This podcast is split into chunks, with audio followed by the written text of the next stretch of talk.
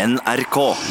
Isabel Ringnes blir omtalt som et forbilde innenfor teknologibransjen. Hun er gründer av flere organisasjoner som jobber for å fremme likestilling både lokalt og globalt, og nylig etablerte hun en nettjeneste der hun oppfordrer deg og meg til å anonymt vurdere hvor likestilt arbeidsplassen vår er. I tillegg er hun en av landets rikeste kvinner, podkaster og reality-deltaker. Dette er Drivkraft med Vegard Larsen i NRK P2. Isabel Ringnes, varmt velkommen hit til Drivkraft. Tusen hjertelig takk. Det er stor stas å få være her. Ja, Det er litt sånn jubileumssending for oss i dag. Det er vår sending nummer 50. altså Du er den gjest nummer 50. Det syns jeg er stort på Ja. veldig kort tid, egentlig. Og det, det som er litt gøy med det, er at faren din var vår gjest nummer én, og i dag så er du gjest nummer 50. Ja, Det er nesten så det var planlagt. Ja, det var faktisk ikke det. Det var tilfeldig. Jeg bare lurer på hvilken Ringnes skal være gjest nummer 100. Ja, Det blir jo da mitt barnebarn. Ja, sannsynligvis. sant? Sannsynligvis. Eh, Men hvordan har du det? Jeg har det kjempefint. Eh, Det er desember, det er adventstid, det er snart jul, og det betyr jo mange julebord. Man får sett eh, nære og kjære igjen, og det er veldig koselig. Men du sa litt sånn åh, det er litt sånn desembermorgen. Ja, jeg begynte på en litt mer negativ note rundt det. Jeg tenkte at den skal jeg ikke dra med meg inn i live radio. Men, nei, men det er jo desembermorgen. Det er kaldt, liksom. Det er mørkt. Men eh, man må jo se det fine i det òg. Hvordan, eh, hvordan starter du dagen din? Ja, som veldig mange andre. Jeg har en alarm som går av. Jeg bruker Ja. noe som heter Sleep Cycle, som da måler hvordan jeg sover gjennom natten. Eh, så jeg- Tech, tech, Ja, en det tech-tjeneste? Ja, det er jo litt sånn uh, datadrevet eh, tilnærming til god søvn. eh, ved at jeg liker å måle det, sånn at jeg vet når jeg har sovet nok og ikke sovet nok. Sånn. du kan bli litt gæren av dette her også. Er det på mobilen, eller? Det er på mobilen, men det vekker deg veldig fint, da, for det vekker deg i det intervallet hvor du sover lettest. Eh, og så vekker det deg sakte, men sikkert med små toner eh, gjennom 20 minutter, sånn at du ikke skal ha den brå bråvåkningen ut av f.eks. rem-søvnen din, da hvor du på en måte er veldig langt nede. Altså, men den, hvordan merker den det? Altså på pusten Ja, din? den merker det på vibrasjoner og lyder i rommet, da. Ja. Så hvis du da begynner å bevege deg ganske mye, så kan det være tegn på at du er litt mer våken. Så da begynner den f.eks. å ringe innenfor et gitt tidsintervall du har sagt at den skal vekke deg på. da. Hvor, hvor ligger den mobilen av, da? Den ligger ved nattbordet mitt ved siden av. Ja. Så da våkner jeg til den, så ser jeg hvor lenge jeg har sovet, og hvordan har søvnkvaliteten vært. Det kan være 69% er en dårlig dag, 98% er en god dag. Eh, og så er det egentlig bare inn på badet, pusse tennene, ta på seg et lag med sminke og gå inn i garderoben og ta på seg noen klær. Og det tar som regel ti minutter, tro det eller ei. Og da er jeg på vei ut av døra. Men hvordan var nattens søvn? I dag var det eh, 97% Det var kjempebra. Jeg var ganske sliten etter en helgen, så jeg la meg klokka ti i går og våkna halv ni i dag. Så jeg hadde ganske mange timer med søvn. Men er det sånn at du kan våkne, føle deg uthvilt, så sjekker du mobilen din, og så står det sånn nei, nei, 59% god søvn. Og så tenker du sånn ok, jeg føler meg litt dritt likevel. Vet Du hva, du har altså så rett i den analysen der, for det er akkurat sånn det er. Det har, en, det har dessverre en psykologisk påvirkning på hvordan du eh, i etterkant anser at søvnen din har vært. Og eh, jeg merker jo det at hvis den sier at det har vært veldig bra, så blir det jo en veldig bra dag, for da har jeg jo vært veldig uthvilt. Men eh, Så det tenker jeg at eh, det går opp i opp med de dager det spiller meg god og spiller meg dårlig. Men du, er, altså, du velger å eh, hva skal man si, overlate kvaliteten eh, av søvnen din til teknologi. Nei da, det er jo min egen søvn, så kvaliteten er det jo jeg som styrer i forhold til hvordan jeg lever dagene mine og hvor lenge jeg tillater meg å sove. Men den gir meg en indikasjon på hvordan eh, jeg har sovet, og jeg vil si at den som regel har ganske rett. Ja. Jeg merker jo det at når det står 98% Og det, man kan jo spørre seg er dette her sant, eller er det rett og slett bare psykologisk. Men jeg merker at eh, nå har jeg hatt en god natts søvn. Jeg er klar for uka. Har du flere sånne tekniske innretninger som måler ting Ja, men jeg tror jeg, altså, Det kan jo godt hende at jeg lever i en boble, men jeg, altså, jeg måler jo f.eks. hvor mye jeg går. eh, på en klokke eller med mobilen? På mobilen, og det skjer jo automatisk. Så jeg har på en måte en kontinuerlig skritteller som viser meg. Så da kan jeg jo f.eks. bli påminnet hvis klokken er ni om kvelden at nå har du bare gått 6000 skritt i dag. Det er jo ikke så bra. Så er det bare ut og ta seg en kveldstur. Nei, gjør du det? Nei, det gjør jeg ikke det. Jeg gjør ikke det. Nå, jeg, nå, da spilte jeg meg selv bedre person enn det er. Jeg gjør ikke det. Jeg bare sier ja, ja. Får bli bedre i morgen, da. Ja. Men, men også har du vet jeg, en chip i hånda di. Det har jeg også. Det må jeg si at eh, har vært eh, den, eh, det kanskje billigste PR-stuntet man kan eh, trekke. Jeg, jeg hadde aldri i mine villeste fantasier forestilt meg at den skulle få så mye oppmerksomhet som det den har fått. Dette var jo noe jeg tok i Stockholm på Biohacker Summit av den rene grunn at jeg er nysgjerrig på ny teknologi. Hadde et par venner som hadde tatt samme chipen og tenkte ja, dette må man jo teste. Og men bare for å se hvordan det funker. fordi i Stockholm, da, der vi bodde før, så kan man jo kode den til å åpne forskjellige typer dører. Man kan bruke den for å logge seg inn på forskjellige treningssentre osv. Eh, Den jeg har, eh, lar, kan jeg lese med min egen telefon, og så kan jeg endre hvilken URL den går til. Da. Eh, Så hvis du tapper den nå, så går den f.eks. til Equality Check eller til en LinkedIn eller til en Instagram. Litt sånn avhengig av hva jeg skal den kvelden, så kan jeg endre URL-en i chipen. Veldig, veldig mange uh hva skal man si, fremmedord på en gang. Men, men, men Var det det? Nei, Beklager. Altså, men, men altså, du sier at når du tapper den altså, hvis, jeg, hvis jeg tar min telefon bort på din Hånd. hånd, så forandrer nettadressen sin Nei. altså min seg? Nei. Ja, beklager, da forklarte jeg det litt dårlig. Hvis du tar telefonen din inntil min hånd, dette er en RFID-chip som leses av NFC, uh, Near Field Communication Technology, som ligger i telefonen din. uh, den kan lese uh, den lille informasjonskapselen som ligger i Du kan se den her på hånda, en liten, liten kul, liksom. Så når jeg er kald, så ser den enda bedre, for da blir huden litt strammere. Ja. Eh, og da eh, må du som regel holde telefonen din ganske lenge over, for den eh, ikke sånn, har ikke sånn veldig god lesbarhet. Men da kommer automatisk så bare åpner en nettleser seg på telefonen din, da. Og da går den til den nettsiden som, som jeg vil at den skal gå til. Er det sant? Mm. Kan vi, uansett telefon? Eh, ja, men hvis du skal prøve nå, så blir dette en lang og stille radiosending, for du vil måtte holde telefonen din over i hvert fall tre minutter før den leser. Det er, dessverre så er det ikke så lean som man eh, gjerne skulle hatt det til å være. Men eh, er det Har den noe Altså, fungerer den Altså, kan man bruke den til noen ting? Eller er det litt som en sånn Granca-tatovering, sånn som du tok en gang du var på en tech-messe, og La oss si at det er en uh, heftig kombinasjon av begge. Det er liksom en Granca-tatovering i form av at den er litt kul, og den uh, er en snakkis. Uh, men den har jo også muligheten til å gjøre konkrete ting hvis du på en måte gjør den uh, kompatibel da, med forskjellige Nå prøver jeg å ikke snakke engelsk. Devices, objekter. Eh, enheter som snakker med sånn type teknologi, så du kan få den til å for låse opp døren din hjemme hvis du er interessert i det, men den er såpass usikker i dag, og den er såpass dårlig til å lese at det er ikke noe jeg egentlig orker å impose in my life, eh, selv om det selvfølgelig hadde vært veldig kult å kunne åpne døren sin med hånden. Eh, Men det er jo en grunn til at man ser på denne typen teknologi, for den vil jo ha utrolig mye potensial på sikt. Ikke akkurat denne typen, men tilsvarende type teknologi, hvor de kan f.eks. lese da helsedataen din i samtid og kunne se hvordan dine verdier er i forhold til veldig en, en stor andel av befolkningen sine verdier, og kunne se om det er noen unormale ting, og så kunne gi deg f.eks. en alert på telefonen din hvis noe da er i ubalanse, og du bør oppsøke en lege. Eh, typ blodtrykk, blodsukker ja, blodtrykk, blodsukker. Altså, you name it. Det kan være mange forskjellige ting man kan stille den inn på og måle.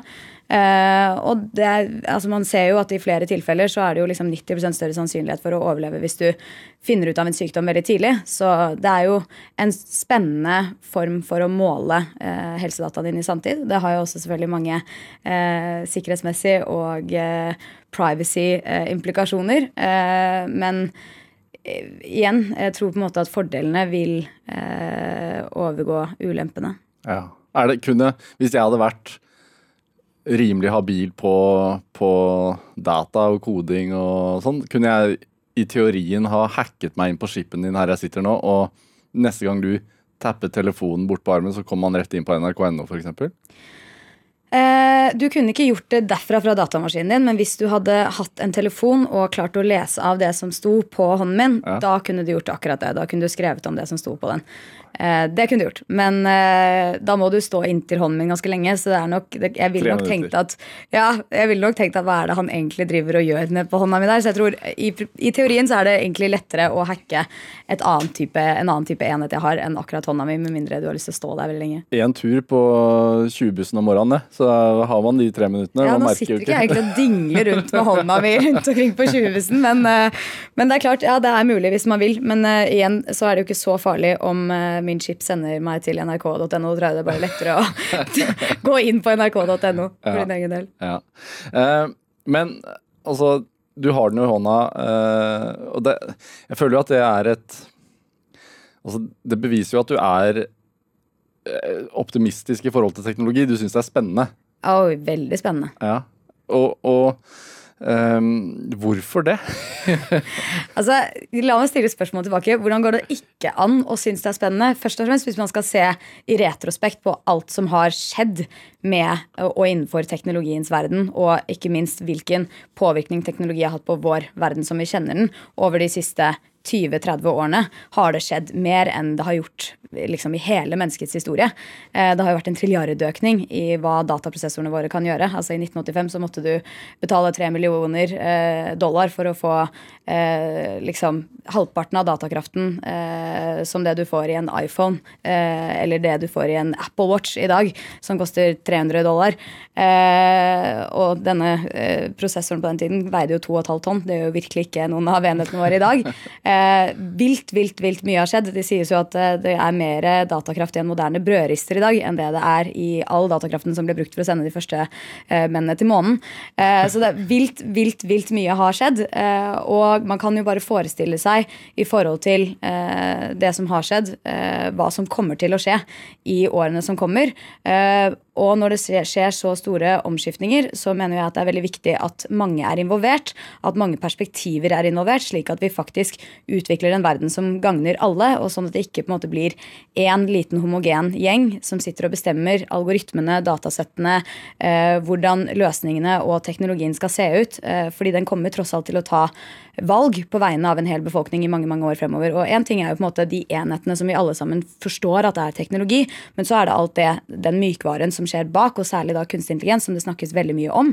Dette er jo algoritmer som på en måte skal eh, ja, ta enorme valg, komplekse valg, på bakgrunn av liksom veldig veldig viktige ting om hvordan liksom, infrastruktur kommer til å se ut, hvordan samfunn kommer til å se ut, hvordan regjeringen kommer til å fungere.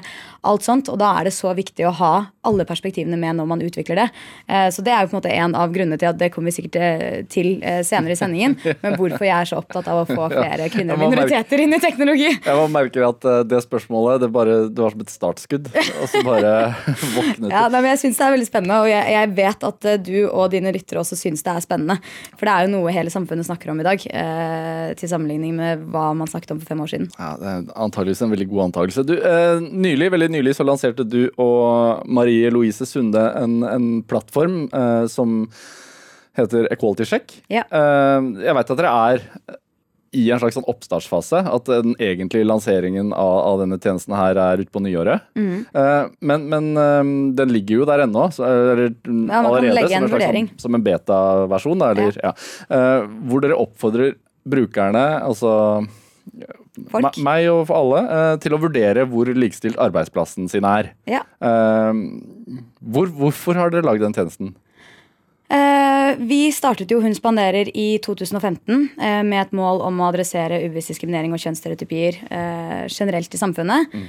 og så hadde vi en ny kampanje i 2017 hvor vi da rettet oss mot næringslivet.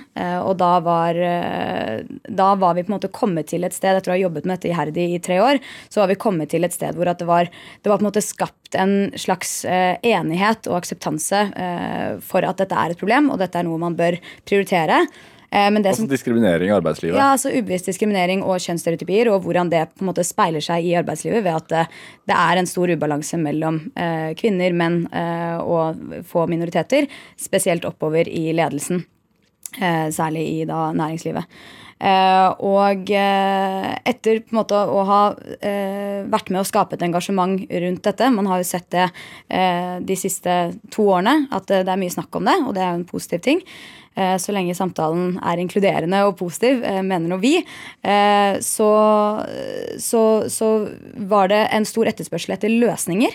Og det var det etter at vi hadde sett og diskutert med forskjellige typer forskningsmiljøer at det er et mangel på løsninger. Det er veldig mye forskning på selve problemet, veldig lite forskning på løsninger. Man ser liksom, det er, det er et problem, det er lite likestilling, det er langt færre kvinner i topp lederstillinger eller i styrer, f.eks. Ja, og så, og så er det jo veldig mye forskning da, som viser på en måte, sånn som f.eks. dette studiet som er interessant å trekke frem, bare fordi at det er i norsk kontekst. Dette var jo opprinnelig et studie som ble gjort på Harvard på 2000-tallet, som da 100 studenter eh, eller flere leste da et case om en veldig suksessfull leder, eh, hvor, eh, hvor de da ble bedt om å vurdere lederen i etterkant. Det som er interessant er at Dette studiet ble gjentatt i Norge i 2015 av Markedshøgskolen og Tankesmien Agenda, eh, hvor da 100 studenter fikk lese om denne veldig suksessfulle lederen, om deres skolegang og eh, deres videre vei i karrieren og de valgene de hadde måttet ta. Det de ikke visste, var at 50% av disse studentene eh, leste caset hvor lederen het Hanna, og de andre 50% leste caset hvor lederen het Hans, og så ble de bedt om å vurdere denne lederen. Og ikke overraskende så vurderte studentene han som en veldig god leder, en de gjerne ville ha som mentor, ta en øl med, han var en god far. Hanna derimot var en eh, mindre god leder, eh, en de ikke likte eh, spesielt godt. Hun var sjefete og en mindre god mor. Eh, og dette er jo på en måte eh, helt litt case eh, vurdert av studenter i verdens nest mest likestilte land i 2015. Eh, og resultatene er påfallende like fra det som ble gjort på Harvard på 2000-tallet. Så en hel masse sånne studier finnes det, og dette anbefaler jeg selvfølgelig da å lese vår bok 'Hvem spanderer?' for å få flere studier på, på benet. Så, så man har på en måte en akseptanse rundt at det er et problem. Eh, og eh, da bestemte vi oss for å gå i gang eh, med å prøve å finne løsninger på det. Så vi engasjerte da et forskningsprosjekt sammen med CORE, Center for Research on Gender Equality, som er en del av Institutt for samfunnsforskning her i Norge. Fikk med oss tolv founding partners som da var med på å finansiere dette forskningsprosjektet. Og som da går over tre år, hvor vi da skal komme frem til løsninger, altså validere de løsningene som finnes der ute, for hvordan man faktisk kan øke kjønnsbalanse og mangfold i bedrifter. Eh, og så hadde vi gjort dette eh, i ca. et års tid, og så eh, bestemte vi oss for at eh, vi ønsker å involvere hele grasrota. Vi ønsker å gi alle mulighet til å bruke stemmen sin. Eh, og da kommer vi altså opp med Equality Check, eh, som da er en plattform for anonyme vurderinger om hvordan man selv opplever mangfold og likestilling i bedriften sin. Slik at da bedrifter som gjør det bra, eh, sannsynligvis da tiltrekker seg enda flere gode kandidater, som fortjent når de har jobbet for å få en god og inkluderende kultur. Og bedrifter som da ikke gjør det så bra, får i hvert fall eh, en øyeåpner på det, og da kan eh, ha kanskje en eh, få, få et klarere bilde av hvordan de bør gå til verks for å bli en da bedre og mer inkluderende kultur og tiltrekke seg bedre eh, talenter. Så det er vinn-vinn for alle. Men alle bedrifter kan vurderes. Alle bedrifter kan vurderes, også ja, offentlige. Ja, og, og anonymt. Og anonymt. Men er det ikke Kan ikke det også manipuleres? Eh, på hvilken måte? Nei, altså Hvis man Hvis eh, jeg og fem andre kolleger hadde bestemt oss for å vurdere f.eks. NRK, da, hvor vi jobber, som en ekstremt lite inkluderende arbeidsplass, så kunne vi jo liksom gått sammen om det altså, og så gitt en skikkelig dårlig score. Ja, eh, det kan dere absolutt gjøre. Eh, NRK vil for det første kunne svare på vurderingene. Og de vil også kunne flagge vurderinger som de mener at er eh, åpenbart usanne, eller har diskriminerende eller aggressivt språk, eller altså, avslører noe konfidensiell informasjon, eller identifiserer individer. Så bedriftene blir, tatt, altså blir også kontaktet og kan svare på det. Absolutt. Ja. absolutt. Men, men hvordan tenker dere at dette, du var innom det, altså, men kan påvirke arbeidsplassen? Eh, Ja, Vi håper jo at det påvirker arbeidsplassen veldig positivt. At det blir en, eh, at det blir på en måte en målestokk eh, om hvordan man gjør det, og ikke minst at man skaper mer gjennomsiktighet i arbeidslivet. Det er jo Stort sett, hvis man ser på de aller fleste bransjer i dag, så er det veldig mye mer gjennomsiktighet nå enn det det var før. Og det ser ut til å ha en positiv effekt på hvordan man, eh, ja, på hvordan man opererer i de bedriftene og i de bransjene. Så det går på rykte, rett og slett. Da. Det blir som en sånn Airbnb-annonsering. Ja, men ikke sant, hvor mye, altså Det skaper jo veldig mye trygghet og tillit i Airbnb. Det at man kan eh, vurdere hverandre, og at man vet at man blir held accountable, da, i mangel på et, eh, eller holdt ansvarlig, eh, for det man gjør og hvordan man oppfører seg. Og det mener jeg jo eh, at det er en bra ting. Ja, ikke sant. Så det er litt sånn man Hvis man skal leie ut leiligheten sin og vet man blir vurdert i ettertid, så holder man den ren. Ja, forhåpentligvis så gjør man jo det. Eh, så kan man jo håpe at altså, Det er jo ikke direkte sammenlignbart, men at man liksom, hvis man vet at man kan bli eh, vurdert dårlig i en bedrift, så forhåpentligvis så satser man mer på en kultur hvor alle har like muligheter, og hvor alle føler seg inkludert. Og det er jo målet. Ja. At man skal på en måte ha like muligheter uansett hvem man er og hvilken bakgrunn man har. Dere er jo, som, som jeg var inne på, i en slags oppstartsfase med, med Quality Check, og at den skal ut for alvor over, over jul. Så eh, det blir jo spennende å se, da. Ja, veldig spennende. Ja. Hva, hvor mange bedrifter håper du blir anmeldt i Norge? Nei, vurdert er veldig viktig å si, ikke anmeldt. eh, vi håper jo at alle bedrifter i Norge blir vurdert, og ikke bare i Norge, men også globalt. Men ha, kan det ha en slagside? Altså kan det Alle bedrifter kan ha en slagside. Nei, men jeg tenker sånn tjenesten. Jeg, er jo litt sånn redd for at man Hvis det er en liten bedrift, da, så, så kan man liksom gå imot sjefen sin, tenker jeg.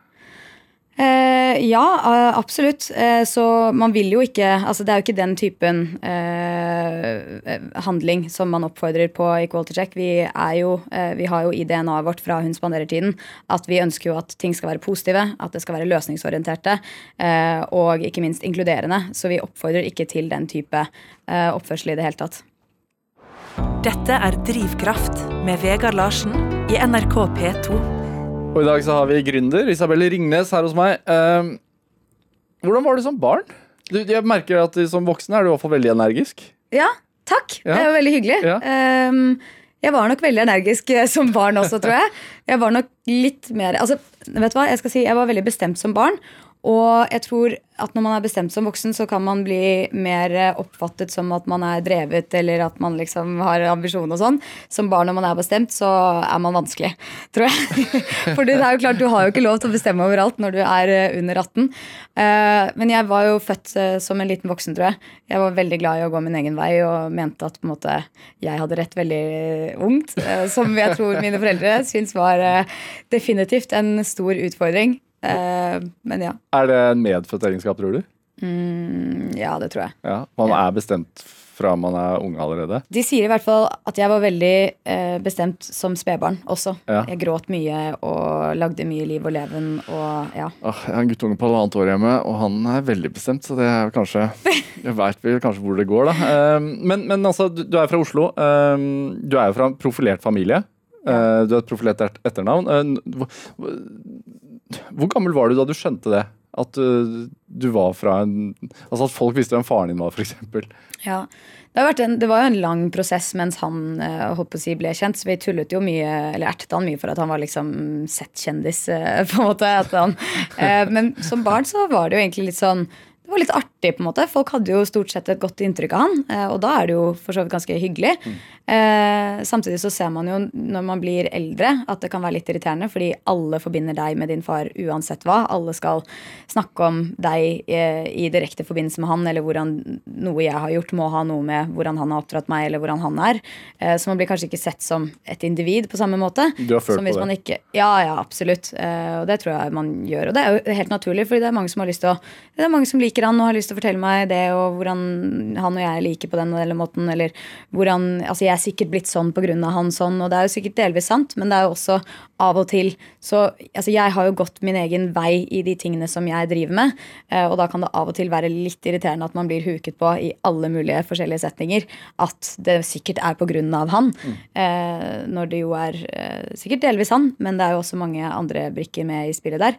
Men har det, har det gjort at det er litt sånn ekstra viktig for deg å holde på med noe helt annet? Nei, absolutt ikke. Og det er jo ikke noe bevisst valg jeg har tatt. Det var jo, jeg var jo så heldig at jeg på en måte fant lidenskapen min eh, og valgte å gå den veien. Så for min del så var det aldri noe alternativ å skulle gå inn i eiendom eller småflasker, hvis man skal, hvis man skal dra det så langt.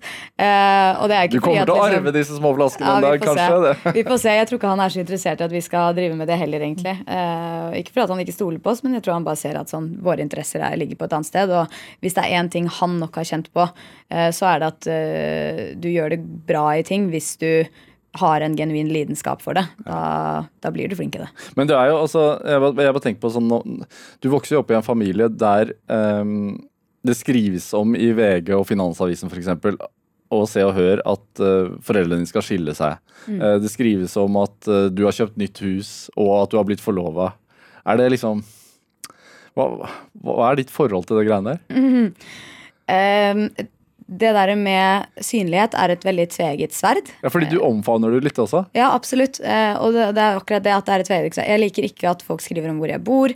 Jeg liker ikke at eh, privatlivet til foreldrene mine eh, blir slått opp over mediene. Og jeg syns det er irriterende at hver gang jeg har gjort et langt intervju om hva jeg driver med til vanlig, at overskriften handler om forlovelsen min. Men det er klart at samtidig så har jeg da det privilegiumet med at jeg da har eh, liksom bydd litt på meg selv på privatlivet. Det gjør også at mediene er interessert i å skrive om det jeg faktisk brenner for, som er likestilling og som er teknologi. Eh, og den muligheten er det mange som ikke har, eh, og som gjerne skulle ønsket å få ut sitt budskap. Så jeg ser det på en måte som et tveget sverd, ved at jeg ser at det er et privilegium å få lov til å ha eh, muligheten til å snakke om de tingene jeg brenner for, og som jeg vil at samfunnet skal eh, ha øynene opp for.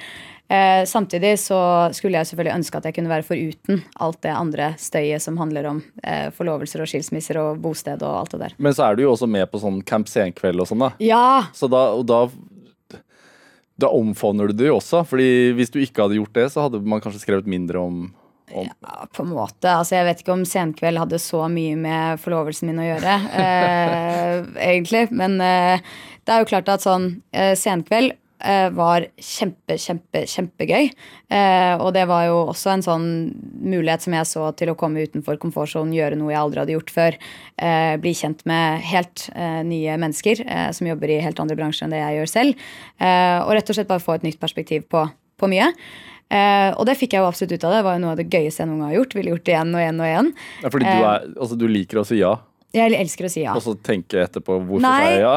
ja, altså det kommer jo veldig an på. Jeg ville jo aldri sagt ja til liksom Paradise Hotel, på en måte. Eh, men Senkveldslaget er jo på en måte noe som bare er god stemning, og det er bare fine folk. Og man har jo veldig stor respekt for både Helene og Stian og alle de som produserer Senkveld. Eh, Så det, det så jeg på som relativt ufarlig. Men jeg er jo ikke ukritisk til det jeg sier ja til, på ingen måte. Men eh, eh, ting som man tror på, og ting som man har et godt inntrykk av, det må man jo Man kan jo ikke være så redd for alt her i livet heller. Du, jeg, jeg skal ikke snakke veldig mye om faren din, altså, men siden jeg har hatt han her som gjest, Ja. ehm, og, og, og han nevnte deg, så tenkte jeg altså, Fordi han sa, han sa at uh, en gang da du var ung, så hadde du sagt til faren din at du, uh, du syntes han var litt for lite hjemme. Ja. eh, At han var for mye på jobben. Eh, men så sa han til meg at eh, nå, når, når du har blitt så oppslukt av dine egne virksomheter, så kanskje du skjønner hvorfor han var så mye borte i oppveksten. Skjønner du det? Ja, jeg, jeg kan forstå det. Eh, det er sagt, så har ikke jeg barn ennå, så jeg vet ikke om jeg ville prioritert slik når jeg har barn også. Eh, det er sagt, så ser jeg jo nå at eh, det går jo veldig mye tid til jobb og sånt. Eh, så er det jo noe med at vi også lever i en alder hvor veldig mye av det som eh, måtte gjøres på kontoret før, nå kan gjøres på internett og over Skype og over Hangouts og Aperion og det som er. Eh, så jeg håper jo at det vil tillate for at man jobber, men også klarer å på en måte være hjemme. Eh, som, eh, som ja, også kan være viktig, da. Tenker du også at det, er liksom, det var mer vanlig kanskje før at mannen var på jobb, og at eh, kodene eller kvinnene i forholdet var med hjemme? Ja, ja, At det har forandret seg, eller? Det har jo forandret seg i en positiv retning hvor man har fått ting som foreldrepermisjon, eh, altså pappapermisjon også, slik at eh, fedrene også tar mer ansvar hjemme, eh, som er veldig bra. Og eh, man ser også at det er eh, flere kvinner som, som kommer seg opp og frem i arbeidslivet og næringslivet, som er kjempepositivt. Ja. Du, eh, jeg tenker sånn eh, Jeg, stiftet bekjentskap med deg i, i norske medier for sånn ca. ni år siden. Hei sann. eh, I en VGTV-serie som het Oslo Girls. Ja. Um, og, og det var en, reality-serie om mote i Oslo. Ja, ja det, var, det var kanskje det. Var det ikke det, da? Jo, det var, eh, ja, det var jo det. I hvert fall det, det var forespeilet å være. Eh, det var jo mye dramatikk og sånt noe i denne serien. Eh, men igjen, da. Det var jo en sånn eh, ting som jeg tenkte eh, ja, ja, men dette må man jo prøve. Dette virker jo spennende, liksom. Jo, altså, det er jo helt åpenbart at jeg har aldri vært redd for søkelyset Nei. eller rampelyset i så forstand. Eh, det hadde jo bare vært helt eh, teit av meg å si at jeg er. Men, eh, men eh, det er klart at jeg trodde nok den serien skulle blitt litt annerledes enn det den ble. Eh, men så er det jo sånn, ja ja, hvor mye skal man angre på det? Og altså, var, det var jo ingen som døde av det. Ja. Eh, så hvor, hvor, seriøst skal man ta seg selv også? så jeg tenker bare at det var, det var en artig opplevelse. Det og lærte av det òg. Men, men, altså, jeg, jeg, jeg, husker at Eller jeg husker ikke det. Jeg gjorde litt research nå på forhånd og så litt tilbake. Og da husker jeg at du uttalte noe sånn, eller da uttalte du noe sånn at jeg spiser frokostblanding til frokost, lunsj og middag. Alle sparepengene mine går til klær. Ja. Eh, så klær var det viktigste i livet, virket det som den gang. Men, men, men nå sitter du her med, med, en skip i hånda. Eh, du blir omtalt som et forbilde innenfor teknologibransjen. Du har opprettet flere organisasjoner som jobber for eh, økt likestilling i Norge og globalt. Og du, og du skriver på din egen nettside at jeg hadde et veldig fint liv i Norge fram til 2012, men så flyttet jeg til New York. Hva, hva, hvordan forandret det livet ditt, tenker du? Mm. Eh, jeg flyttet jo til eh, New York fordi at jeg ønsket å ta en master i media. Eh, og så flyttet jeg litt før den masteren begynte, så jeg fikk jo muligheten til å studere både psykologi og helse og ernæring. og Det var litt før jeg er igjen, men da studerte jeg også skuespill der. Eh, jeg vurderte å bli personlig trener og gikk på kurs for det. Altså jeg gjorde veldig mye forskjellig. Igjen veldig nysgjerrig på å lære eh, og gå utenfor komfortsonen. Men så begynte jeg i hvert fall da på dette studiet eh, på The New School, som det heter, som er en veldig sånn progressiv skole. Altså du var en klassisk nordmann i starten av 20-årene som ikke helt visste hva du ville? da. Veldig. Ja. Men jeg tror altså, Eller det jeg var veldig sikker på, var at nå kan jeg gå rundt og lure på hva jeg skal drive med veldig lenge. Eh, og lure på om jeg skal prøve ting. Eller så kan jeg bare kaste meg ut i det og prøve det. Eh, og så se om jeg liker det eller ikke. Så for eksempel så begynte jeg jo da på BI. Eh, og jeg var jo ganske sikker på at økonomi ikke var min greie. Men samtidig så Nei, jeg, jeg har aldri syntes det har vært noe interessant. Selv om det er jo selvfølgelig veldig viktig. Ja. Men ikke sant, selv der så var jeg sånn ok, nå har jeg begynt, nå skal jeg fullføre det. Nå vet jeg i hvert fall at det er det jeg ikke skal jobbe med. Og jeg engasjerte meg i andre ting, så jeg var jo på en måte Eh, men jeg var feature-redaktør i Skoleavisen, og jeg var leder for Jentekoret. Eh, og der fikk jeg jo på en måte både da sansen for media, som da sikkert gjorde at jeg tok da en master i media management senere, og så det at jeg var leder for det jentekoret og var med i jentekoret i tre år, gjorde at jeg så eh, liksom Lærte liksom hvor fantastisk det er å eh, jobbe med mange andre kvinner, eh, og så hvor måte kule, sterke, eh, bra de var, og liksom fikk liksom satt det derre Det er jo ofte en sånn myte med at sånn, kvinner er kvinners verste fiende, og alt det der, men jeg så liksom virkelig sånn at eh, når ja, det, ja, Jeg så i hvert fall at det, det, var veldig veldig stas å jobbe så mange kvinner sammen og få til mye kult på scenen og stå og by på på en måte show, og det var veldig morsomt. Men tenk, tenker du at det er en god ting å, å bruke noen år og prøve ting og feile litt og prøve å finne ut liksom hva sin egen retning? Det vil være veldig individuelt, tror ja. jeg. Jeg tror noen mennesker er så kan man si heldige da, at de er født med at de vet eh, jeg skal bli ingeniør, jeg skal bli lege. jeg skal bli sånn. Det. Men jeg tror det er mange også som sitter og lurer på hva i all verden skal jeg bli. Jeg har ikke noe lidenskap, jeg vet ikke hva jeg er interessert i. Jeg, liksom, og da er det jo Eh, vi, vi, bor jo i et ganske privilegert land, eh, som vi har muligheten til å prøve mange forskjellige studieretninger. Og eh, det er jo litt sånn at hvis man er sulten på ting, så kan man jo som regel teste mye. Det er jo, Hvis du er interessert i en jobb, send en mail og spør om du kan henge på noen i redaksjonen i en uke hvis du er interessert i det. Altså sånn, Det finnes mange muligheter. Ja, for det har du gjort? Eh, jeg har en venninne som har gjort det. Ja. Eh, men jeg sendte jo mail og søkte om et vikariat, sommervikar, eh, i VG. Eh, det gjorde jeg jo. Eh, og da var det jo litt sånn De var sånn Hæ? Eh, du som studerer Du har ingen, ingen, bakgrunn i journalistikk i det hele tatt. Men da var jeg så heldig at Camilla Bjørn, da, som ble min sjef, hun hadde tatt et kurs på, VG, nei, på BI og da lest en artikkel som jeg hadde skrevet hvor det var sånn BI fra A til Å, en veldig sånn der ironisk artikkel om BI. Eh, og den hadde hun syntes vært veldig morsom. Så når jeg da kom på det intervjuet, så var hun sånn Nei, men jeg tror faktisk det kan, kan være noe i henne, og vi, vi, tar en sjanse på henne. Ja. Så det var jo ikke sant? Det er jo masse sånne små tilfeldigheter. Leder deg jo videre. Men da begynte jeg da hvert på denne Master of uh, Media Management i New York. Uh, og da jeg kom liksom første skoledag der, så skjønte jeg at sånn Ok, uh, this is new times. Uh, dette, er ikke, dette er ikke BI, liksom. Her vil du her må du rekke opp hånden, her vil du bli satt uh, in a hot seat med en gang. Uh, alle må bidra. Uh, folk er superflinke og har peiling på alt innenfor denne bransjen. Og så jeg følte meg veldig underdog og måtte skjerpe meg betraktelig. Hvordan er det å reise til altså, New York av, altså Det er en by som spiser deg opp. holdt jeg på å si. Det er en av verdens aller største byer. Ekstremt energisk by. Masse impulser. Og hvis man reiser dit alene man det er litt sånn, kan være en ensom by. Hvordan var det for deg å være der og være student? Veldig opp og ned. Eh, nå var jeg jo heldig at jeg fikk jo en del venner der da, gjennom skolen og hadde en bestevenninne der fra før av. Eh, så eh, Men på en måte så er jeg sånn Jeg likte veldig godt å være i, i New York fordi at det er så stort. Så du kan på en måte være akkurat den du ønsker å være.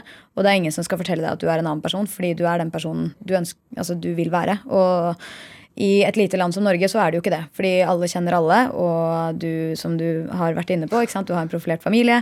Eh, så du møtes jo med et bilde og visse fordommer som alle gjør, da, eh, med en gang. Mens i New York så, så er du bare the Norwegian girl. Eh, og så kan du egentlig bestemme hvem the Norwegian girl skal være. og da kan du faktisk første gang prøve å virkelig være deg selv og hva som føles riktig for deg.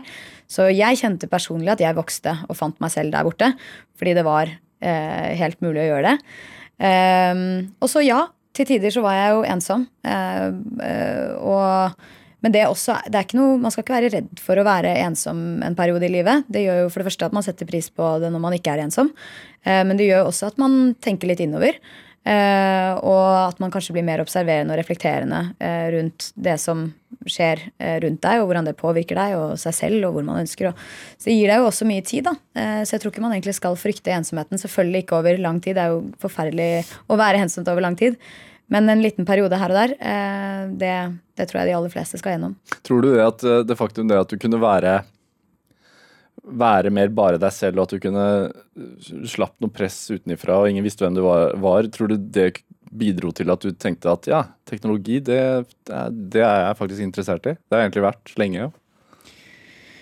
Uh, ja, jeg er usikker på om det var liksom bare det. Uh, men det var jo nok det at jeg liksom begynte på det studiet og fikk liksom muligheten til å kaste meg helt inn i det. Og det var ikke så mye annet som opptok meg. da, la oss si det slik, at jeg jo noe, hadde jo ikke så mye andre ting å gjøre enn å studere. Og jeg, det, altså jeg følte jo veldig på et sånt privilegium at nå har jeg fått lov til å dra til USA og ta en utdannelse, og det i seg selv er jo et voldsomt privilegium. ikke sant? Så da var jeg sånn Nå må jeg virkelig gjøre det bra her. Jeg må virkelig make this worth it. Eh, at jeg får denne muligheten, at jeg er så heldig å ha denne muligheten. Så da var jeg sånn Jeg skal A i alle fag. Jeg skal bli dødsgod på teknologi og kastet meg fullt og helt inn i det.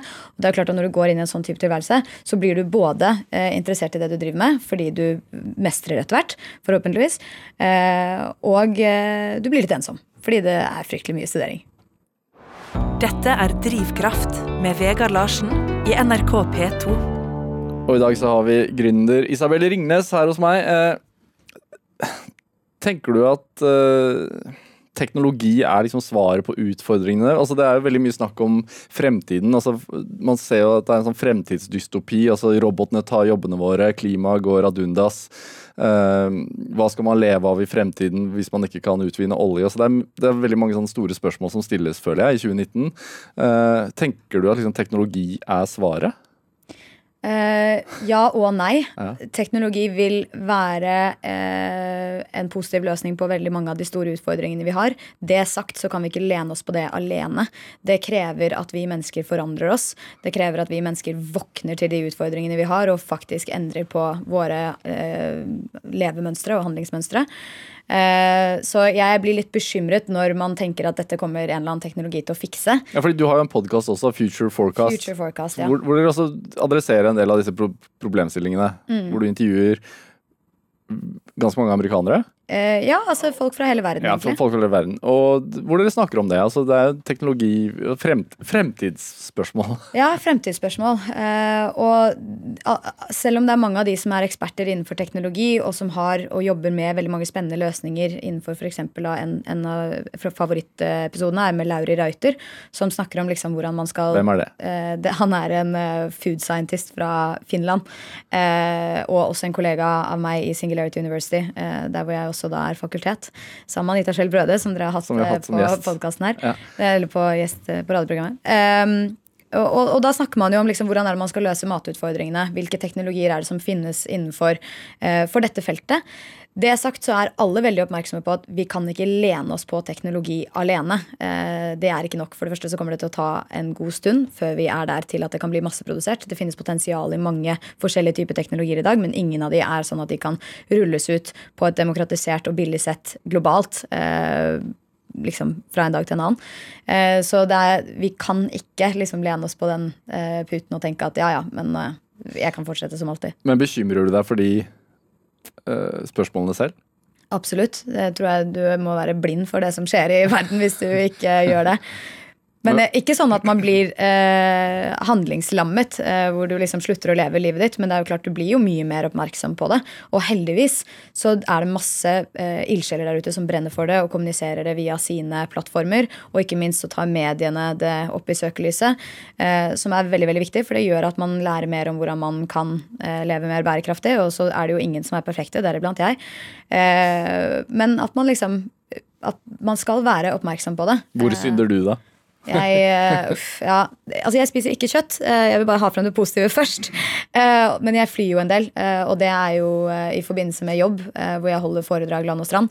Eh, Så eh, jeg skulle, og, jeg, og jeg reiser jo som regel altså Det er jo en sånn, det er et sånt tvegetsvei det der med å reise også, for jeg mener at det er viktig å reise for å se verden og lære å kjenne kulturer. Og det at man på en måte blir kjent med resten av verden, gjør jo at eh, man får mye mindre fordommer, og at verden virker mye mindre, og at man, jeg tror man blir et mer sånn verdensmenneske, da, eh, som, som er bra. Eh, samtidig så er det jo ikke bra å drive og fly, og så kan man jo for så vidt ta båt og tog og alt det der, men da vil du jo bruke nesten hele livet ditt på å være i transport. Eh, men eh, Men jeg merker at jeg syns det er så vanskelig, fordi eh, kona mi og jeg vi flyr heller ikke. Og vi også prøver å redusere vårt kjøttforbruk. Men samtidig så får man jo sånne rapporter sånn eh, Streamer du Spotify, så forurenser du like mye som å fly i flere år. Altså det er sånn hele tiden sånne Man får hele tiden ny informasjon som gjør Hvor man blir mer demotivert, da. Ja. En del informasjon tror jeg man skal ta med en klype salt og se i perspektiv eh, også. Eh, det handler jo litt om hvor disse kildene kommer fra. Det er jo noe som heter fake news, som dere sikkert er kjent med her i NRK. Jo, men det, det er Eh, jo sånne enorme servere som tar så mye strømforbruk, og så er det Ja, det er det. Og, og, og, men men? Det, det finnes jo veldig veldig, veldig mange steder hvor man kan eh, begrense bruken. Og jeg tror man skal tenke det litt sånn på alt man driver med. Ja. At man skal eh, gjøre ting med måte. Eh, det er sagt, og jeg kan jo ikke si dette helt for sikkert, så kjære lyttere, ikke liksom ta det jeg sier for god fisk, men jeg kan umulig forestille meg at det å streame Spotify hver dag eh, har like mye eh, negativ påvirkning på klimaet som det f.eks. å spise en diger burger hver dag.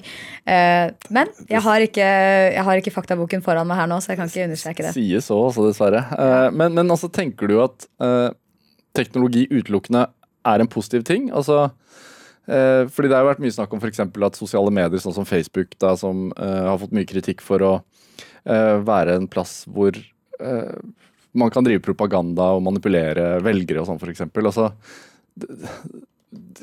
jeg føler at det har vært veldig lenge en teknologioptimisme, og så har man begynt å innse at det er ikke bare positivt.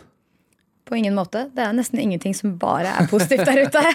Eh, men eh, nei, men man har nok sett liksom backlashen av at Og det måtte man jo nesten, fordi med alt nytt som kommer til verden, og det kan man jo også se på liksom de problemene vi sitter med i dag, i forhold til overforbruk av naturressurser, eh, så sitter man jo nå med en hel del problemer som man kanskje ikke forutså for 30 år siden.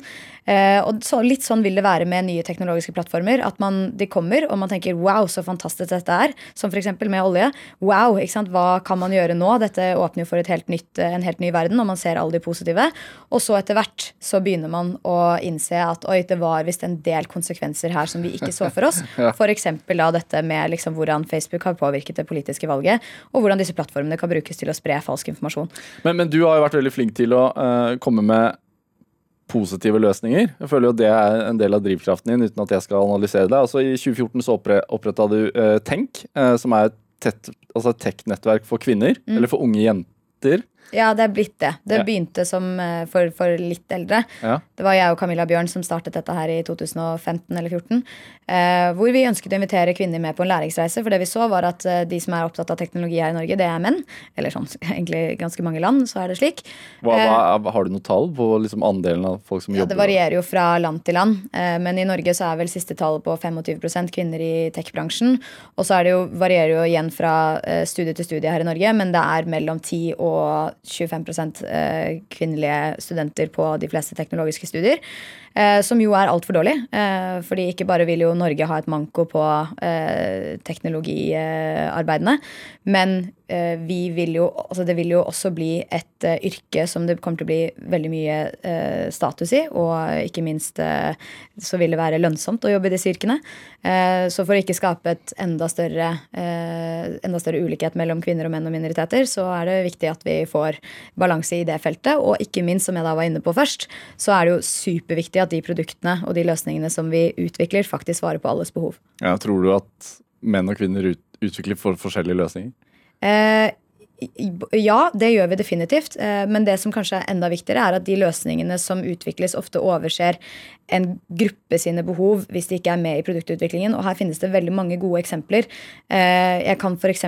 trekke frem eh, Apple House. I, de kom med en ny oppdatering i 2015 hvor de var så utrolig stolte av denne helseapplikasjonen deres, som skulle måle alle mulige helsedata hos mennesker, hvor mye de gikk, og hvor mye de sov, og hvor mye de spiste, og alt sånn. Og var så stolte av det, men ikke før etter lansering innså de at de hadde faktisk ignorert å måle et av de viktigste helsedataene for 50% av befolkningen en gang i måneden, nemlig den menstruelle, menstruelle syklusen. Det hadde, var, du hadde bare glemt det. Ja, det var, hadde vi bare glemt. Ja. Eh, og det var jo bare, ikke sant? Og det, og det bare sier liksom noe om det. Og så er det jo på en måte, så, så kan man jo se det liksom på et mye mer alvorlig plan, da, hvor eh, ikke sant? du ser at en av de, eller MIT gjorde et studie hvor de ser at noen av de mest brukte datasettene til å lære opp sånne facial recognition-algoritmer, altså ansiktsgjenkjennelsesalgoritmer, de består av 75 eh, menn, 80 hvite mennesker. Eh, og det er jo klart at da, eh, når de da skal teste de på forskjellige mennesker, så ser de at det er 99% sannsynlig at denne teknologien kjenner igjen hvite mannlige ansikter, men at error-raten er 35 eh, når det kommer til mørke kvinner. Eh, og hvis man forestiller seg dette her med f.eks. selvkjørende biler da, som kommer til å ta valg basert på sånne type datasett, ja, men det er, altså, implikasjonene er voldsomme. Eh, eller Amazon, da, sant, som kom opp med denne fantastiske algoritmen som skulle kunne forutse hvem som skulle få eh, lederstillinger hos seg, eh, og så at denne algoritmen egentlig systematisk sorterte ut alle kvinnelige søkere fordi de var ikke representert i datasettet over. Eh, eller Google Så hvis, hvis det hadde gått en, en, en sort uh, kvinne over veien, så hadde ikke bilen kanskje kjent igjen som en person i det hele tatt. Det er for tidlig å si, men den risikoen vil man uansett ikke ta. Eh, så det er liksom eh, og, det er, og det er på en måte ett uh, bruksområde som, man, som, alle kan relatere seg til. Ja. Eh, men det, er, det, vil finnes så mye usynlig programvare som vil kunne eh, lene samfunnet i den ene eller andre retningen, og beslutninger i den ene eller andre retningen som vil gagne eh, noen som er veldig representert positivt i et datasett, ja. eh, og ha store eh, konsekvenser for de som ikke er like positivt representert i et datasett. Ja. Så derfor er det viktig. Jeg hadde jo uh, Anita Skjold Brede i et tidligere Drivkraft, og, og, hun driver jo med kunstig intelligens. Mm. Hun fortalte jo at man må jo mate inn data til den kunstige intelligensen også, og mm. at, og at den blir smart basert på hvilke data den får inn, og der kan det ofte ligge fordommer. Ja, Ikke sant? ja men det er akkurat det. Eh, har, har, du har du merka noe altså, Har du blitt møtt med noen fordommer selv? Altså innenfor tech-bransjen? Det, det, er en mannsdominert bransje. Ja, absolutt. Absolutt. Eh, og kanskje mer i eh, utlandet enn det jeg ble her hjemme. Eh, selv om igjen jeg anbefaler å lese boken 'Hvem spanderer', for der er det mange eksempler fra både meg og Marie ja. om, om, de fordommene som vi har møtt i våre respektive mannsdominerte bransjer. lege og teknologi. Men sånn som når jeg da studerte teknologi i New York og dro på kjempemye events og konferanser for å lære så mye jeg overhodet klarte om denne spennende bransjen, så ble jeg jo veldig ofte møtt med spørsmål om liksom Do you know where the coffee is? Or could you show me to the bathrooms? Eller uh, do you work here?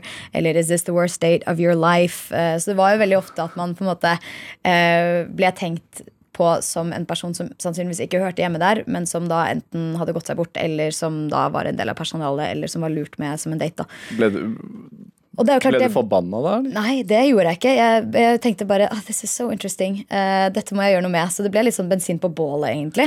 Eh, ved at uh, dette er jo fakta. eh, og skal jeg bli provosert nå og slutte å være i denne bransjen, så hjelper det jo i hvert fall ikke på. Eh, men det å være til stede og det å være et forbilde for andre og få andre mennesker eller andre kvinner og minoriteter til å tenke at yes, teknologi er en spennende bransje, inn der skal jeg, så vil man jo øke antall mennesker som er der. Og you cannot eh, be what you cannot see, som man eh, så pent sier. Eh, så, Hva så er, det grunnen til at, hva er grunnen til at det stadig kommer engelske gloser? Eh, Jeg er jo halvt amerikansk. Ja, så sånn. jeg er jo sånn jeg er veldig, og, og, og all jobben min foregår jo på engelsk. Ja. Så jeg er veldig vant til å snakke engelsk. Så det er derfor jeg tenker på engelsk og må ofte oversette. Men det går begge veier. da Ja. Så når jeg snakker på engelsk, så kommer det ofte det norske ordet også. Men, men eh, det at altså, likestilling og å få flere kvinner inn i bransjen har blitt så viktig for deg, altså Ser du noe, altså, er- det pga. sånne eh, hendelser som det? At du har, liksom, har blitt sett på som at du hører ikke hjemme her fordi at du er kvinne, f.eks.? Altså, er det, har det vært en av liksom, grunnene til at dette har blitt det du brenner liksom, så sterkt for? Eh, det, det er vel ikke sånn at eh, altså Alt er jo på en måte ubevisst, føler jeg, i forhold til de kommentarene man har fått. Så jeg har aldri fått høre sånn 'du hører ikke hjemme her'. Nei, men det er men mer den sånn- derre du merker at du ikke helt hører hjemme der. Eller at folk tenker det, på en måte. Eh, og så var det nok ikke det at sånn Oi, eh, det har nok ikke vært det som har drevet meg i seg, men akkurat innenfor teknologibransjen så var det veldig sånn at jeg så først. Så så jeg wow, dette endrer absolutt alt. Eh, dette kommer til å endre absolutt alt. Jeg er jo i, nå var jeg liksom i mediebransjen, men jeg så jo parallellene til alle andre sektorer. At dette kommer til å ha en stor påvirkning. Verden kommer til å se veldig veldig annerledes ut. Her er det viktig at kvinner og minoriteter melder seg på. Så da ble jeg veldig opptatt av at vi kan ikke ha en bransje som er så homogen. Eh, og jeg vil gjøre det jeg kan eh, for å sørge for at den blir mer fargerik. Er- det også noe av grunnen til at du var med å etablere Hun spanderer?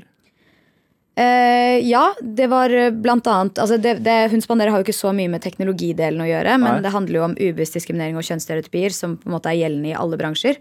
Eh, og det er litt sånn hvordan man, hvordan man møter eh, mennesker basert på hvilket kjønn de har, eh, eller hvilken legning, eller hvilken etnisitet osv. Så, eh, så for oss var det opp, viktig for oss å, å ta opp de problemstillingene, fordi det er problemstillinger som det er veldig vanskelig å sette fingeren på, fordi det ofte kan bagatelliseres, rasjonaliseres og latterliggjøres, eh, som vi har, skriver eh, langt om i boken vår. Ja, fordi dere, I boka, di, så, boka da, som heter 'Hvem spanderer' og ikke 'Hun spanderer', så, så skriver dere om altså, fordommene du ikke visste at du hadde.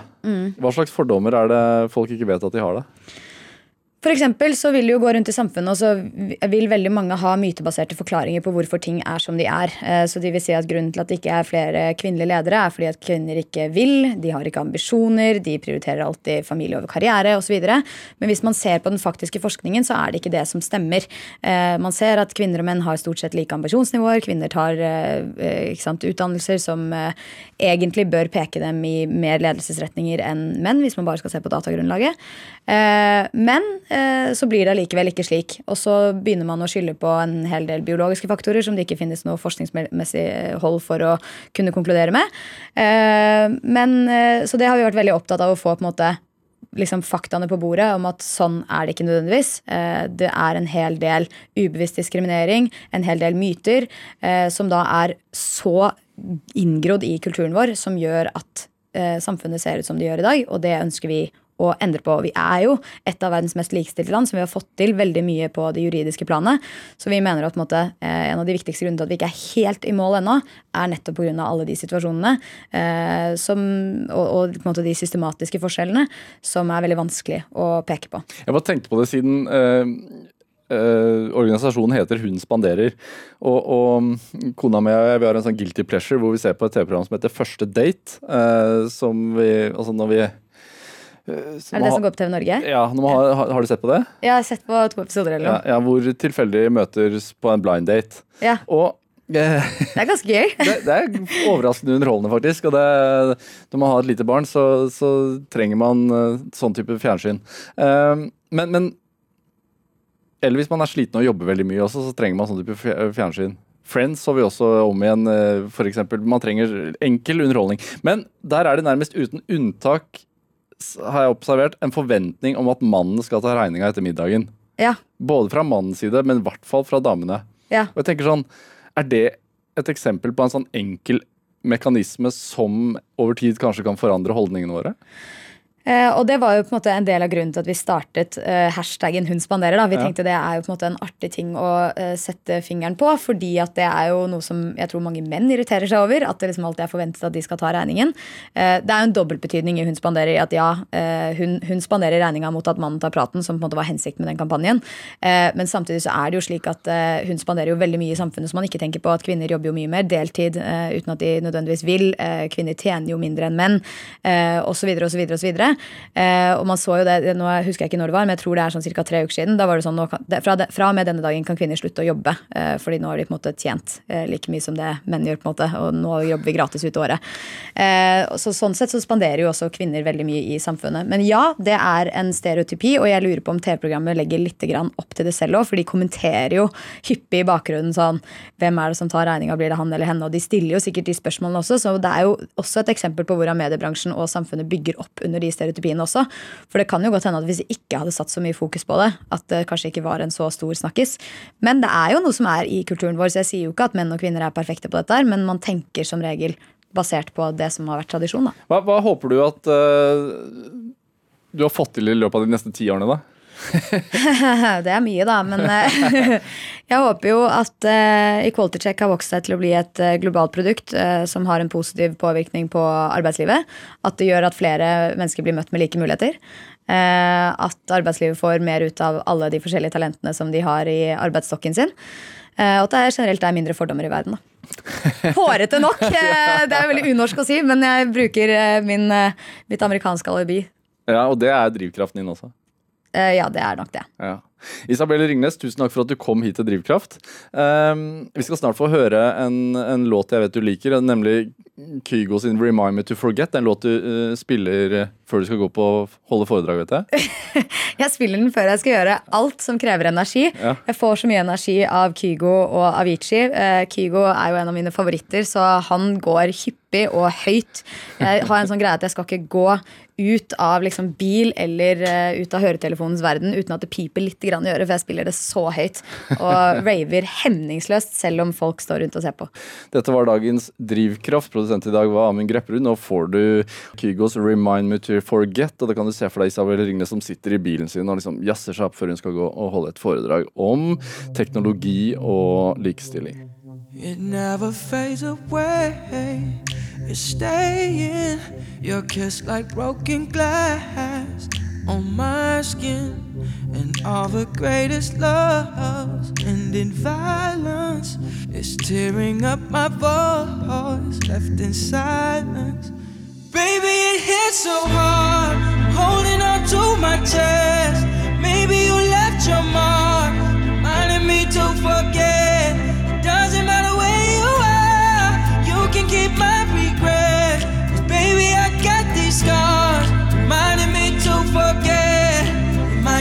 I got these scars to get your love. Keep reminding me, oh, to forget your love. You left your reminding You left your mark, reminding me to forget. You left your reminding You left your mark. You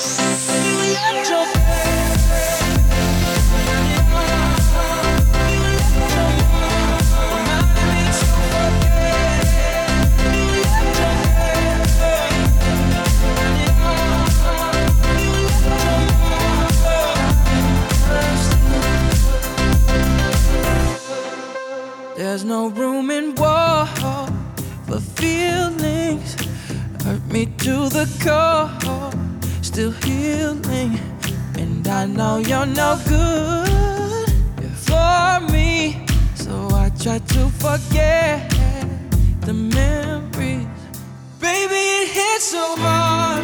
Holding on to my chest. Maybe you left your mark, reminding me to forget.